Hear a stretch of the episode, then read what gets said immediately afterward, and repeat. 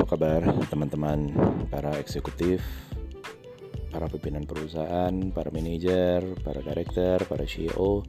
Selamat datang kembali di sesi podcast berbagi kisah CEO di waktu luang. Teman-teman, sahabat-sahabat semua, kali ini saya mau berbagi tentang lanjutan dari podcast saya sebelumnya, uh, masih seputaran career path gitu ya masih seputar career path bagaimana kita uh, merancang career path kita sesuai dengan apa yang kita harapkan kita impikan uh, insya Allah nanti kita akan um, mendengar beberapa kisah yang uh, saya pernah alami sendiri uh, seperti biasa sehingga dengan berbagi kisah ini kita akan bisa dapatkan satu manfaat insya Allah dapatkan satu kebaikan dapatkan satu pengalaman yang bisa teman-teman uh, pergunakan di uh, perjalanan karir teman-teman di perusahaan pada saat ini. Baik saya akan lanjutkan kisah saya tentang pada saat saya ber karir di perusahaan berikutnya menjadi seorang manajer Perjalanan saya menjadi seorang manajer di perusahaan yang baru tersebut, seperti kisah di podcast saya sebelumnya, silahkan kalau yang belum mendengar, silahkan dengarkan saja di podcast saya sebelumnya. Bagaimana saya menjadi seorang manajer. Perjalanan saya menjadi seorang manajer di perusahaan ini kira-kira berjalan sekira hmm, berapa ya? Saya lupa mungkin tiga tahun begitu saya lupa tiga tahun atau empat tahun lah saya lupa. Karena setelah itu saya mendapatkan uh, promosi jabatan kembali untuk membantu uh, pimpinan perusahaan yang baru di mana dia adalah putra dari pemilik perusahaan dan saya diminta untuk membantu uh, beliau. Karena posisi beliau adalah sebagai director uh, maka posisi saya pada saat itu uh, sekira apa ya kalau sekarang mungkin jabatannya apa ya saya harus kasih gambaran yang mendekati di masa ini. Kira-kira setingkat general manager lah begitu karena beliau itu di level director. Ya saya di sekira posisi general manager karena saya memang diminta untuk membantu uh, putra dari pemilik perusahaan. Oke okay, yang mau saya kisahkan adalah mengapa saya mendapatkan promosi untuk menjadi uh, salah satu eksekutif dengan level setingkat dengan seorang general manager kalau pada saat ini. Baik, begini teman-teman. Pada waktu itu ada satu kejadian di perusahaan di mana uh, salah satu produk yang dijual itu menurut analisis saya karena seperti kisah saya di podcast saya sebelumnya bahwa saya banyak mengolah database tentang pemasaran saya memberikan rekomendasi kepada pemilik perusahaan uh, bahwa ini rasanya harus ada yang diubah uh, konsep produknya Mari kita ambil contoh sederhananya saja. Anggaplah pada saat itu ada empat produk yang dijual. Nah, salah satu produk yang dijual itu menurut saya pada waktu itu berdasarkan analisa dari eh, data-data uh, pemasaran yang kita coba analisis, um, rasanya kurang apa ya, kurang bagus lah pola pemasarannya begitu. Sehingga kalaupun kita kumpulkan data-data hasil penjualannya, kita kumpulkan data-data hasil uh, pemasarannya begitu. Tidak menunjukkan jumlah uh, yang banyak perputarannya ya boleh jadi boleh jadi analisis kami pada saat itu adalah karena harganya menurut konsumen itu tidak sesuai ini nih ini saya bercerita singkatnya saja ya teman-teman ya karena kalau saya ceritakan prosesnya begitu panjang nanti akan uh, rumit sekali. Saya ini berusaha memikirkan bagaimana menyampaikan ini secara ringkas saja. Jadi produk ini di mata konsumen meskipun bagus tetapi uh, dalam pandangan mereka uh, harganya tidak sesuai uh, atau dianggap terlalu mahal begitu dibandingkan produk yang ada di level bawahnya begitu. Sehingga pada waktu itu saya berbicara kepada pemilik perusahaan, saya bilang begini, menurut pandangan kami dari tim pemasaran eh, tidak masalah barang ini tetap dijual seperti itu, tetapi kalaulah bisa, kalaulah bisa berdasarkan analisis kami, sebaiknya barang ini dijual saja, dimasukkan ke level bawah, kira-kira begitu. Jadi anggap tadi saya cerita ya, ada empat produk, ada empat level produk. Jadi A, B, C, D misalnya begitu. Ada yang paling murah, eh, agak mahal sedikit, lebih mahal lagi, dan yang paling mahal. Kira-kira begitulah. Nah, saya sampaikan bahwa bagaimana kalau produk yang di level 2 ini dijual saja di level bawah. Tetap tidak mengubah konsep produknya, tapi dijual dengan eh, pangsa pasar bawah.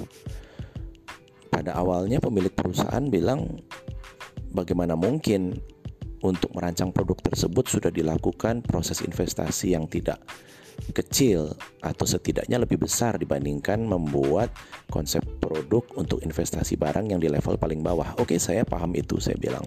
Tetapi kalau kita lihat perputaran barangnya, rasanya ini tidak tidak worth it begitu. Eh, apa salahnya kita menjual barang yang lebih bagus dengan harga yang lebih bawah agar mampu mendongkrak satuan jumlah pemasaran menjadi lebih besar, ya satuan jumlahnya menjadi lebih besar, dan otomatis secara tidak langsung omset pun akan meningkat, gitu. Karena barang yang perputarannya rendah, barang yang eh, tidak terjual dengan sangat baik, ya eh, bagi saya, bagi kami pada saat itu itu lebih tidak menguntungkan dibandingkan barang ini katakanlah sedikit di bawah uh, harga yang kita patok sebelumnya tetapi dia punya perputaran yang banyak. Kira-kira begitulah. Saya yakin teman-teman para eksekutif juga pernah punya pengalaman seperti ini.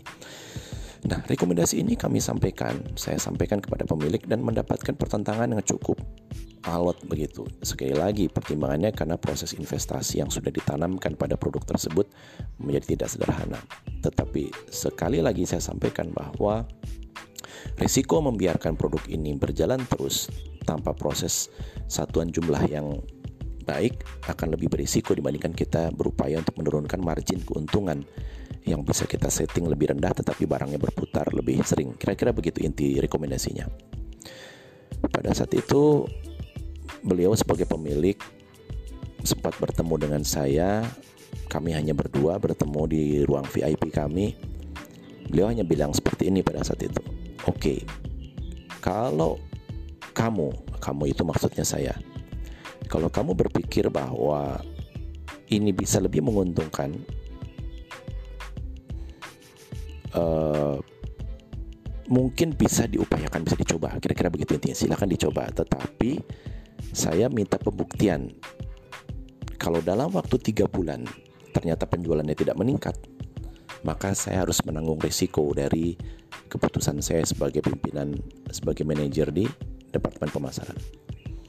Saya bilang, oke, okay, saya akan tanggung risiko itu dalam kurun waktu tiga bulan. Saya akan buktikan bahwa analisis kami tidak salah. Kira-kira begitulah.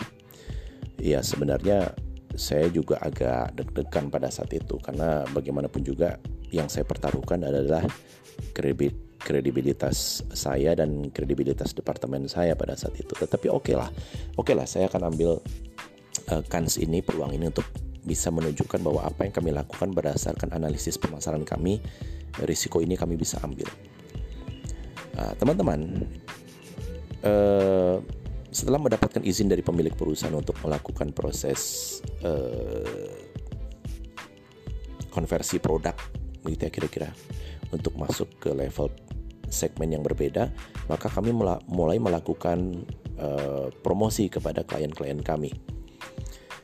Alhamdulillah pada saat itu yang terjadi adalah dari bulan pertama, bulan kedua, dan bulan ketiga masa uji coba, produk ini meningkat dengan sangat pesat pemasarannya, bahkan mampu melebihi perputaran barang yang level berada di bawahnya.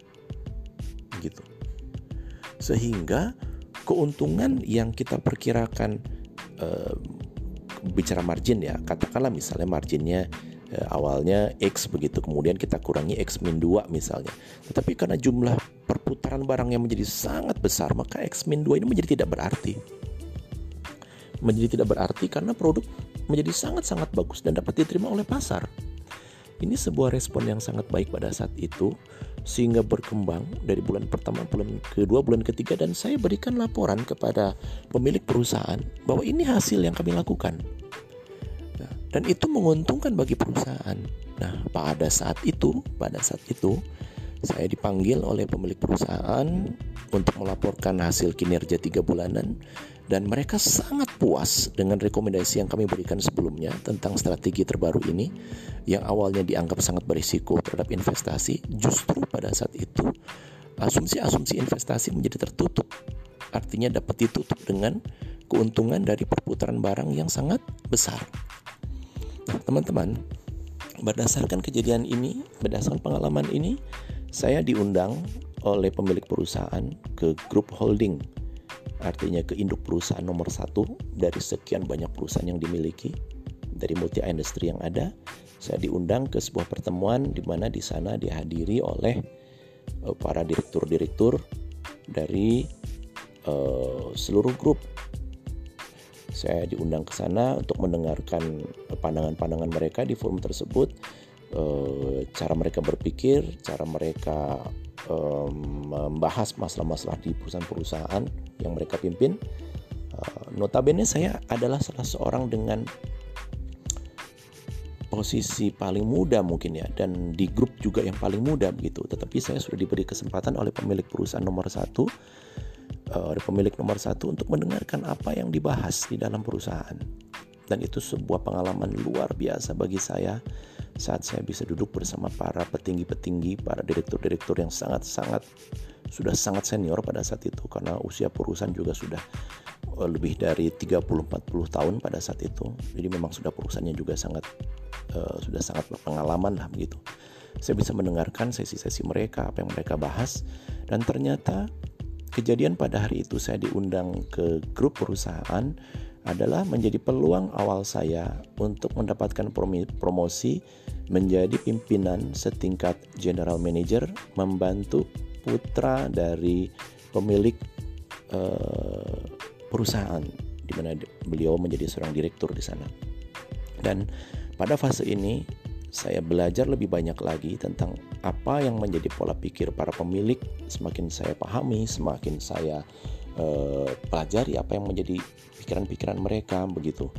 Uh, sekali lagi adalah fase career path ketiga saya di mana saya yang awalnya seorang staff di tahun-tahun sebelumnya meningkat menjadi manajer pada saat itu direkomendasi untuk menjadi seorang pimpinan manajerial setingkat general manager dan ini luar biasa ini pengalaman yang luar biasa bagi saya uh, di sebuah grup yang cukup besar saya belajar banyak hal uh, dan salah satu catatan yang pernah saya singgung juga di podcast saya sebelumnya adalah bahwa analisis yang kami rekomendasikan kepada pemilik perusahaan dalam kasus yang tadi adalah bukan sekedar rekomendasi tentang pemasaran, tetapi kami juga memasukkan rekomendasi yang berhubungan dengan masalah finansial atau masalah keuangan. Artinya kami juga membahas tentang rasio-rasio margin, ya, rasio-rasio margin, rasio-rasio penjualan, rasio-rasio keuntungan, rasio-rasio risiko dari investasi dan lain-lain. Sebenarnya itu adalah diskusi yang berhubungan dengan uh, pola-pola analisis keuangan.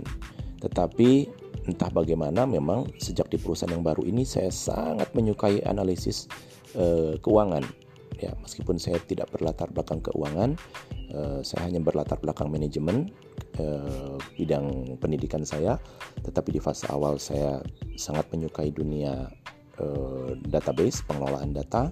Kemudian di perusahaan ini saya menyukai dunia analisis analisis keuangan dan ternyata ilmu analisis keuangan ini menjadi sebuah ilmu yang sangat berharga, yang sangat berguna bagi para eksekutif yang memang ingin menjadi seorang bisnis profesional. Karena siapa pun kita, level apa pun kita, maksudnya level manajerial apa pun kita ya, apakah kita manajer, apakah kita general manager, apakah kita asisten manager atau kita seorang director atau apa pun kita atau bahkan seorang CEO, maka ilmu pengelolaan keuangan adalah ilmu wajib bagi saya yang harus dipelajari oleh seorang eksekutif yang ingin memiliki uh, career path yang bagus untuk menjadi seorang bisnis profesional. Sekali lagi, saya harus ingatkan bahwa bagi siapa pun yang mendengarkan podcast ini dan ingin merintis karir menuju puncak karir menjadi seorang bisnis profesional, maka pelajarilah sistem keuangan. Bagaimana mengelola keuangan dari sebuah organisasi. Suka ataupun tidak, menurut saya ilmu ini wajib untuk dipelajari. Nanti di dalam sesi podcast berikutnya saya akan bercerita tentang bagaimana uh, standar minimum kemampuan pengelolaan kompetensi uh, agar kita bisa mengelola manajemen keuangan di sebuah organisasi atau di sebuah perusahaan.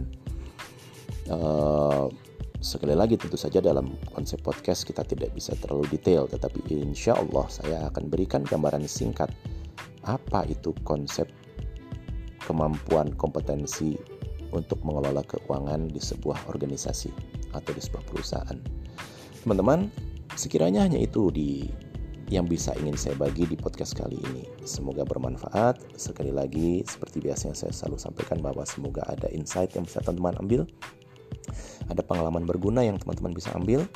Eh, semoga bermanfaat, semoga menjadi sebuah semangat bagi teman-teman untuk terus berjuang meraih karir, melewati perjalanan karirnya di tempat teman-teman bekerja saat ini.